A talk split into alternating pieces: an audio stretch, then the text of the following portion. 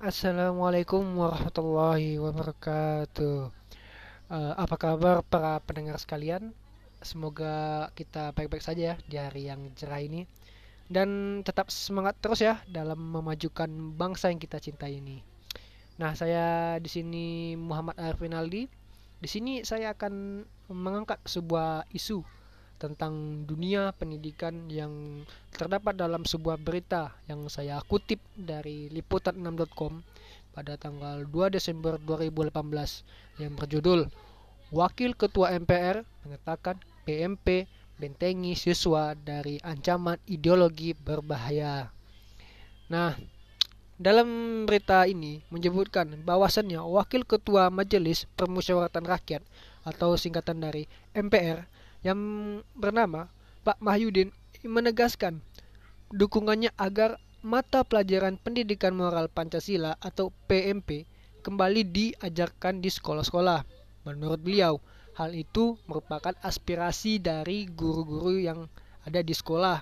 Ia mengatakan pelajaran pendidikan Pancasila dan kewarganegaraan atau disering disebut juga dengan PPKN saat ini tidak mencukupi karena pendidikan moralnya ditinggalkan gitu. Padahal pendidikan moral sangat penting untuk diajarkan terutama menghadapi perkembangan teknologi dan tuntunan zaman globalisasi.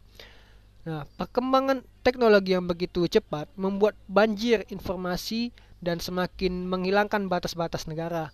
Akibatnya membuat ancaman juga meningkat. Nah, hal ini e, bila tidak diantisipasi akan membuat ancaman radikalisme semakin meningkat dan mengancam persatuan dan kesatuan bangsa.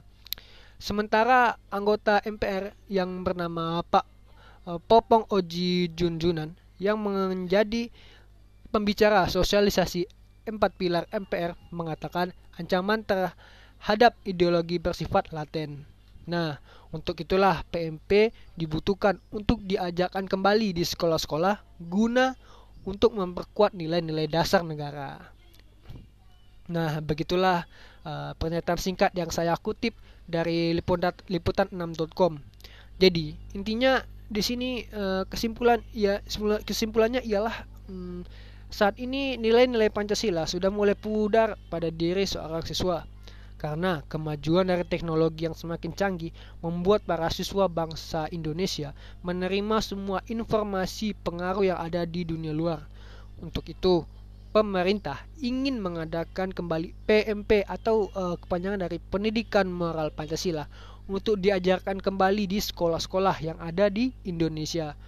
Gunanya ini untuk menguatkan kembali nilai-nilai dasar negara Pancasila sehingga melahirkan generasi muda yang berkualitas sesuai dengan nilai-nilai dari Pancasila.